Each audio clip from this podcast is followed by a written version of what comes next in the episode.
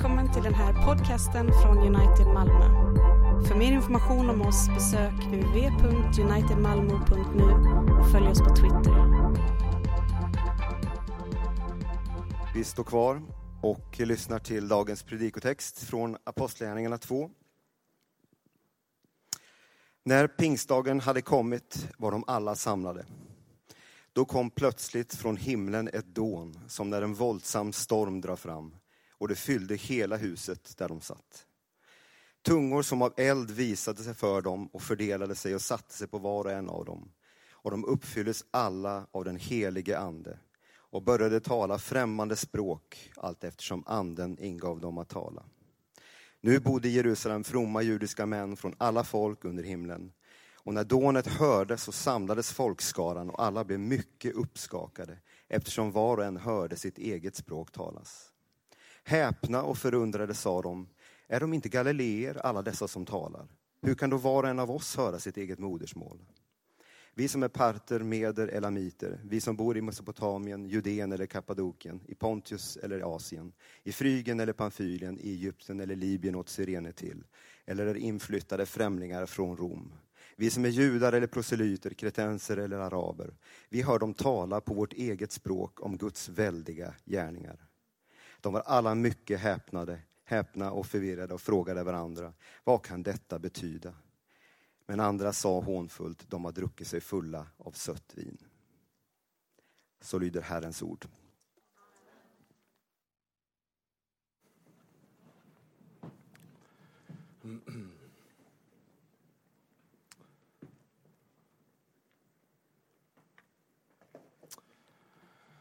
Pingsten ligger ju väldigt lämpligt i kyrkoåret. Precis i den här årstiden då sommaren nästan är här. Det är någonting som händer i hela naturen som påminner oss om Andens verk. Livet strömmar till i eh, växter, blad och träd. Vissa av oss känner av det på ett helt felaktigt sätt. Det är inte tungotal utan det är äckligt snor som kommer ut. Det är som att hela världen exploderar i en blomstringstid av färger, Värmen stiger, kläderna åker av, bleka ansikten får på nytt färg och eh, känsloruset inom oss sätter fart. Det är inte för inte som vi kallar detta just för hänförelsens tid. Och att just pingsthelgen är kanske den största bröllopshelgen på hela året. Detta kan påminna oss väldigt bra om just pingstens verk och pingstens under. Vi inleder idag en fem veckors serie om anden. Om anden som person, om andens verk, om andens uppfyllelse, om andens kraft och om andens frukt. Men vi ska lägga en grund idag utifrån det som sker på pingstdagen. Och vi ska utgå ifrån dagens predikan med den frågan som folket i Jerusalem ställer sig och som du och jag kan ställa oss tillsammans med dem. Vad kan detta betyda? Det är det vi ska ställa oss. Vad betyder det att Gud utgjuter sin ande? Vad har det att säga till oss? Och när vi börjar i dagens text så eh, är det just detta som Lukas markerar. När pingstdagen hade kommit. Han är noggrann med att poängtera det. För det har ingenting med anden att göra när han säger det. Men för oss är det synonymt med anden. Men pingst kommer från det grekiska ordet pentekoste som betyder femtionde. Och det är det vi ska titta på idag. Vi ska titta på dagens händelse, pingstdagen. Eh, spegla den och, och till bakgrund ska vi ha tre stycken händelser i gamla testamentet som jag menar är pingstdagen. Det är Guds svar på de här tre händelserna. Vi ska titta på Babel, som vi för inte alls för länge sedan talade om, Babels torn. Vi ska titta på lagens givande vid Sinai och vi ska titta på skördefesten eller skördehögtiden. Och jag menar att allt detta har Gud ett motsvar mot på pingstdagen. Om vi börjar med Babels torn, det var inte länge sedan som vi i vår predikoserie genom Genesis eh, stannade upp vid undervisningen om Babels torn. Från Babel så har vi fått orden babbla. Eller att det är bara babbel. Eller som Lövdén hade sagt, käbbel. Det är massa ord utan mening. Vi vet att folket ville visa sin egen kraft och skapa sig ett stort namn och faktiskt också imponera på Gud. Många tänker ju att man byggde Babels torn mot Gud, men man gjorde det ju för Gud. För att vinna hans gunst och visa, titta hur mäktiga vi är, hur duktiga vi är och vad vi kan utföra i oss själva. Och Gud säger själv att lite av den makten och kraften ligger just i att de var förenade. Och det som förenade dem var att de var ett folk med ett språk. Men Gud har ett motdrag. För det här är inte en enhet efter Guds hjärta. Det här är inte en enhet som vill göra Guds namn stort. Det här är inte en enhet som vill böja sig under Guds gärningar och Guds verk, utan det här är en enhet, en kötslig enhet. En enhet runt en egen mänsklig vision, att göra ett skrytbygge som Gud förhoppningsvis ska bli imponerad av.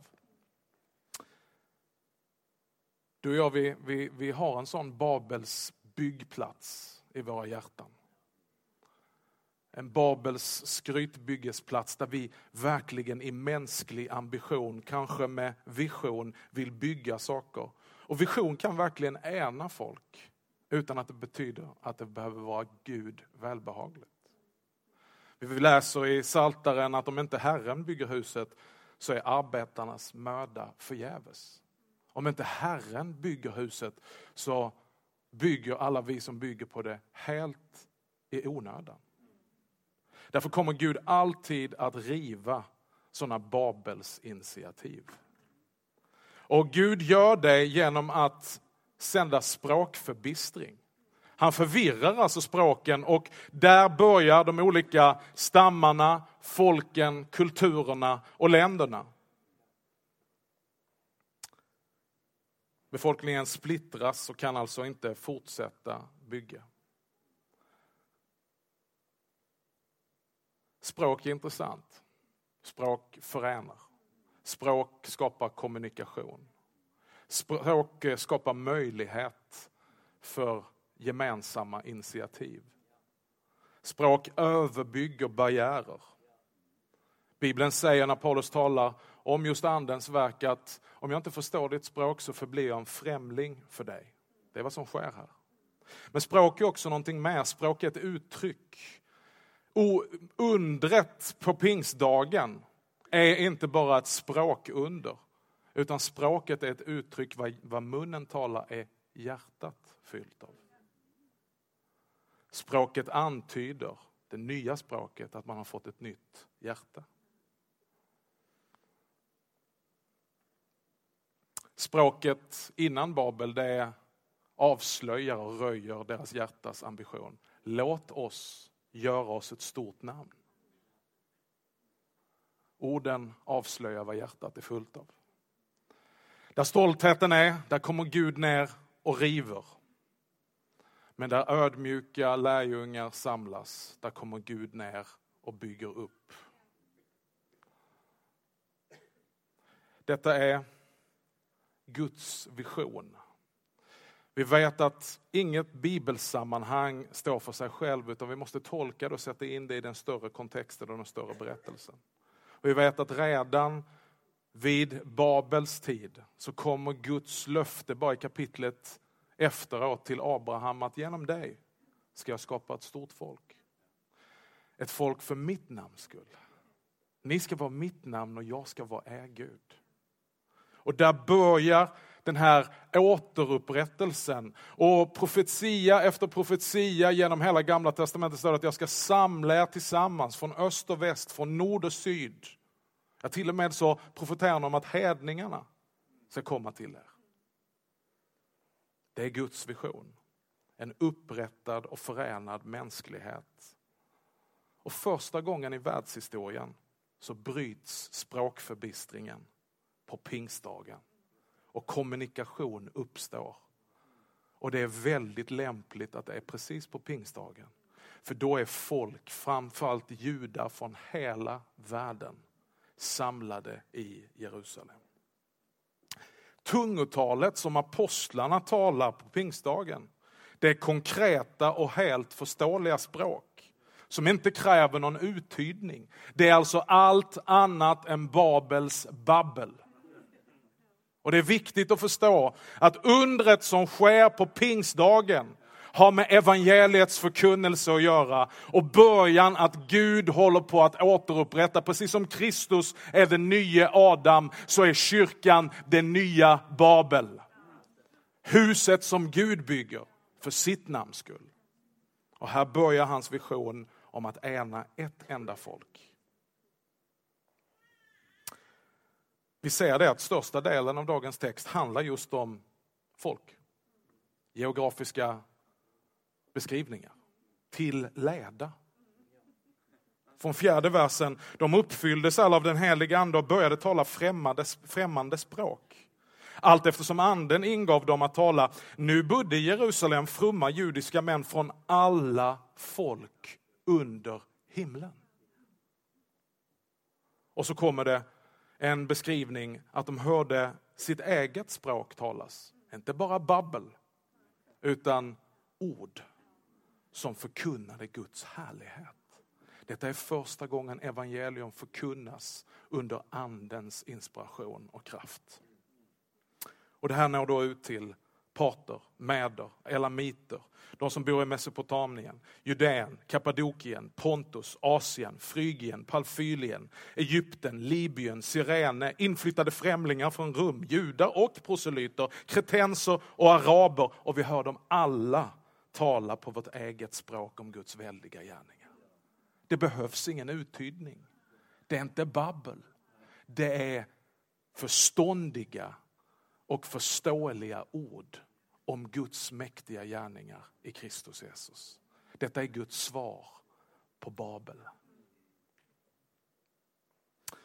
Och denna beskrivning den eh, ser vi också att när tidens, tiden har nått sin full, fulla höjd och eh, Jesus Kristus har kommit tillbaka, då är det här projektet färdigt. Och vi läser i Uppenbarelseboken 7 att därefter såg jag se en stor skara som ingen kunde räkna av alla folkslag, stammar, länder och språk.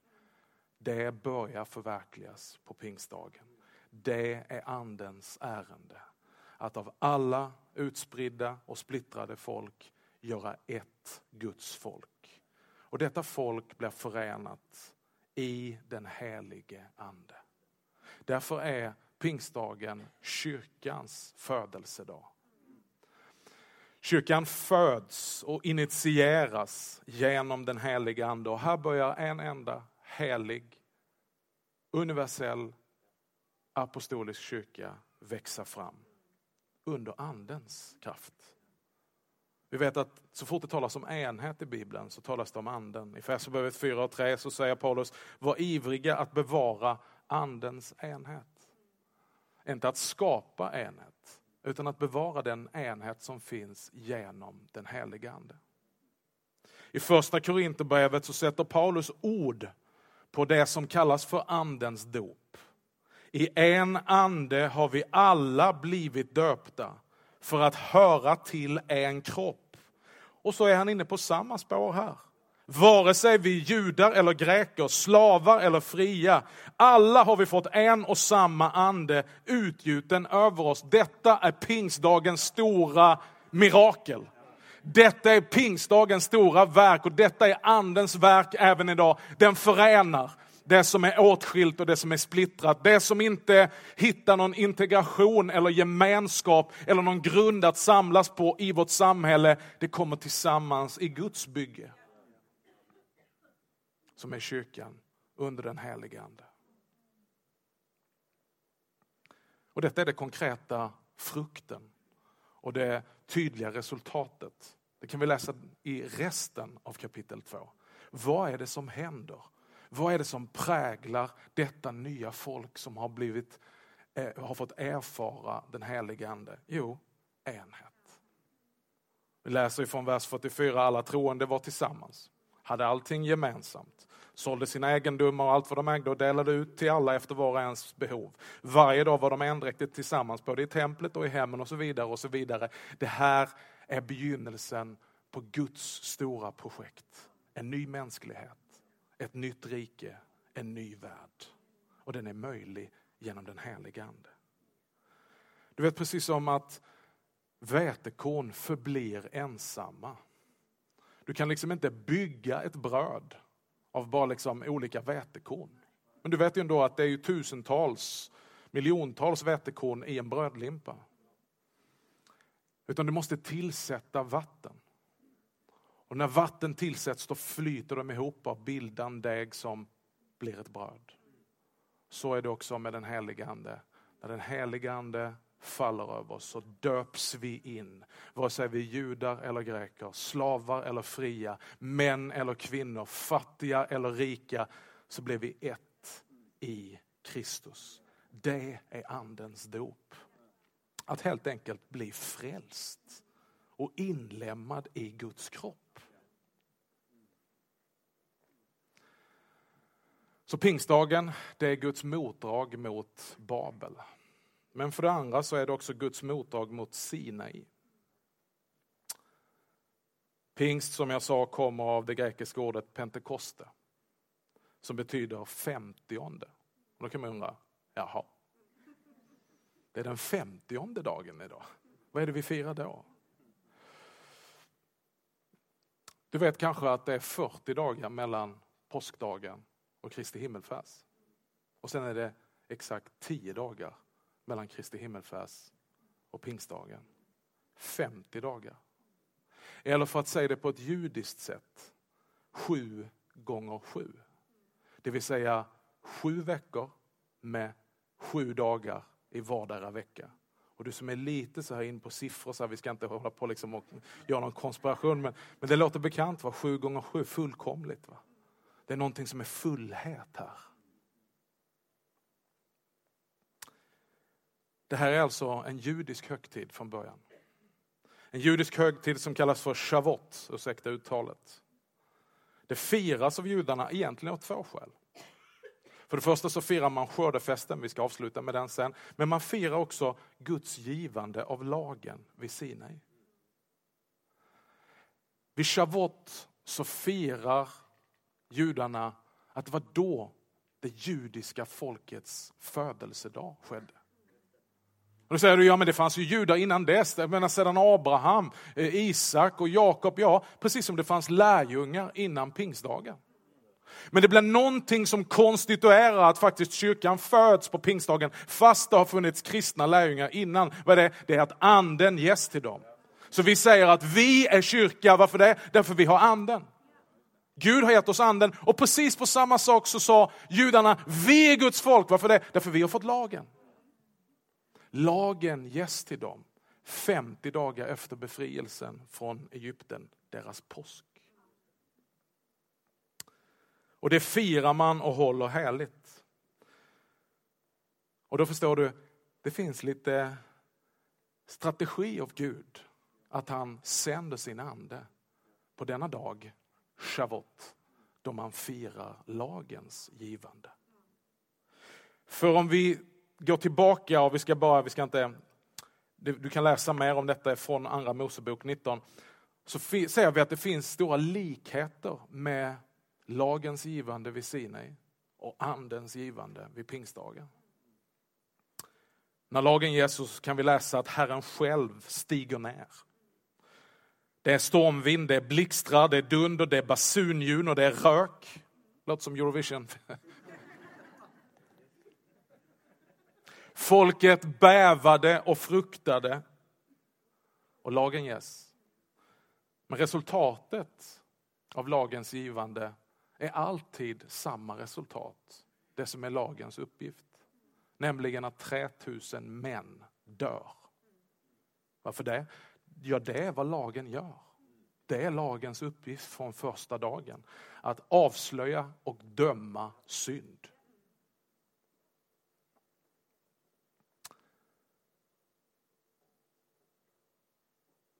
Ser du då kontrasten till pingstdagen? När lagen ges på Sinai berg under blixtar, dunder och rök så är det 3000 män som dör. När anden ges på pingstdagen under stormvind, under ett dån från himmelen, så är det 3000 män som får nytt liv. Det här är att vi går nu in i andens tidsålder. Anden är där för att förkunna evangelium. Lagen vid Sinai dödar, men anden förmedlar genom evangelium liv. Lagen talar alltid fördömelse, men anden förmedlar genom evangelium förlåtelse och frihet. Lagen vid Sinai ger fruktan, medan anden förmedlar genom evangelium frimodighet. Vi ser att de rädda, ängsliga och förnekande lärjungarna nu blir frimodiga förkunnare. Vi lever alltså inte längre under Sinai, inte längre under lagen och dess gärningar, utan vi lever nu i evangeliets tidsålder. I andens tidsålder som ger liv. Och detta är uppfyllelsen av Hesekiels profetia. Lyssna på orden så kan du se hur det stämmer in i det som sker på pingstdagen. Jag ska stänka rent vatten på er så att ni blir rena. Jag ska rena er från all orenhet och från alla era avgudar. Jag ska ge ett nytt hjärta och låta en ny ande komma in i er. Jag ska ta bort stenhjärtat ur er kropp och ge er ett hjärta av kött. Jag ska låta min ande komma in i er och göra så att ni vandrar efter mina stadgar och håller mina lagar och följer dem. Så ska ni få bo i det land som jag gav åt era fäder och ni ska vara mitt folk och jag ska vara er Gud. Precis samma ord som Herren säger i givandet av lagen, men nu förespråkar han och för, berättar och profeterar om givandet av anden. Att precis det som skulle karaktärisera Guds folk efter Sinai, jag ska ge er min lag, ni ska hålla mina bud, därför ska ni vara mitt folk om ni håller mina bud och jag ska vara er Gud. Men nu talar han om att nu ska jag ge er anden. Och den här anden, den ska göra era hjärtan och er viljeinriktning helt ny. Så nu är det inte bara lagar som är skrivna på stentavlor, utan lagen kommer skrivas och läggas i era hjärtan. Så att ni längtar efter att göra min vilja. Och jag ska vara er Gud och ni ska vara mitt folk. Då ska jag låta städerna på nytt bli bebodda. Då ska ruinerna på nytt byggas upp. Det ödelagda landet ska åter bli brukat istället för att ha legat som en ödemark inför var och en som gått fram där. Då ska man säga, det landet som var så ödelagt har nu blivit som Edens lustgård. Ser du, hela jordens förnyelse, en ny himmel och en ny jord. Detta är andens verk. Vi, vad jag tänker här nu innan vi ska gå in i detaljer under de andra söndagarna, det är att vi måste få en större vision om vad den heliga ande är. Det handlar inte bara om att ja, jag var på ett läger en gång och, och, och efter det så talar jag lite i tungor när det känns bra. Det är underbart, det är en fantastisk gåva. Vi kommer inte gå in, in i detalj i den och vi bejakar den. Men om man tänker att det var hela syftet med den heliga ande, då har man förminskat den heliga ande. Den heliga andes utgjutande på pingstdagen är början på Guds församlande av sitt folk. Ett enda folk av hedningar och judar, slavar och fria, män och kvinnor. Förenade och döpta i en enda ande in i Kristi kropp. Det är ett folk som nu inte längre lever under lagen i köttet, utan som lever under evangelium av anden. Nya hjärtan. Och nu börjar förnyelsen av allting. Som när det är färdigt så ska folken säga, det är som att äden, det som gick förlorat i äden, är nu upprättat. Sist men inte minst,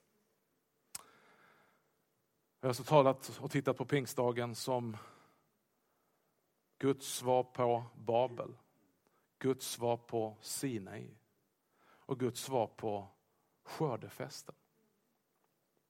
Shavot, där man också, som vi har sagt, firar lagens givande, är kulminationen av det som kallas för skördefesten eller veckorna av fest. Tillbaka till det här, sju veckor är det mellan påskdagen och pingstdagen. Sju veckor, en vecka har sju dagar. Sju gånger sju.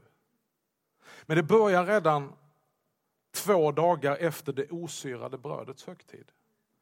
Du vet påsken den firas ju först av judarna och sen placerar Kristus sig själv mitt i denna påsk. Att han blir Guds lamm som offras för våra synder. När judarna har firat det osyrade brödets högtid så två dagar efter, vad firar vi två dagar efter? Påskdagen. Då firar de, då börjar de denna skördefest. Och då frambär de förstlingsfrukten av sin skörd. Det som komma skall. Så då bär de fram i templet till prästen det första av kornen från åkern. Vad händer på påskdagen? Jo, vi, vad kallar Paulus Kristi uppståndelse? Han är förstlingsfrukten som har kommit tillbaks ifrån de döda. Nu börjar skördefesten. Men du vet, sen fortsätter de för att festen den kallas ju Feast of Weeks på engelska.